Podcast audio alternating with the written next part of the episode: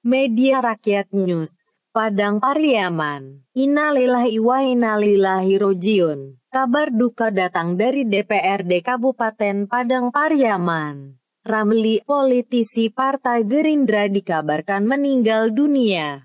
Selasa, tanggal 8 September tahun 2020, sekitar pukul 15.30 waktu Indonesia Barat. Kabar meninggalnya warga nagari Larehnan Panjang, Kecamatan Tujuh Koto ini, turut dibenarkan Kepala Bagian Humas Anton Wiratanjung. Dikutip dari Lintas Sumbar, politisi Gerindra ini meninggal setelah dirawat semalam di Rumah Sakit Umum Daerah Pariaman. Sebelum dirawat di RSUD Pariaman, Senin malam, tanggal 7 September Ramli mengalami demam tinggi. Dan pada malam itu juga Ramli dites swab di rumah sakit tersebut. Selasa pagi, hasil tes Ramli keluar. Ternyata hasil swab menyatakan bahwa Ramli positif COVID-19.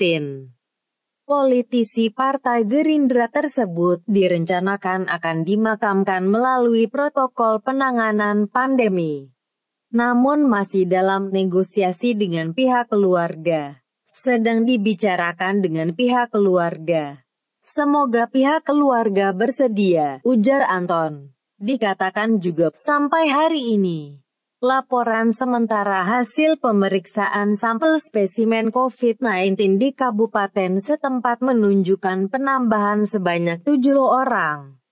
Hingga kini, dari jumlah kasus tercatat terkonfirmasi COVID-19 di Padang Pariaman sebanyak 151 kasus.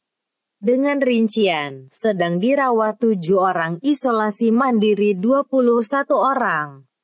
Isolasi pemerintah daerah setempat 24 orang, telah meninggal dunia dua orang dan berhasil sembuh sebanyak 97 orang. Dari Padang Pariaman, Oki Adhadi melaporkan untuk Indonesia.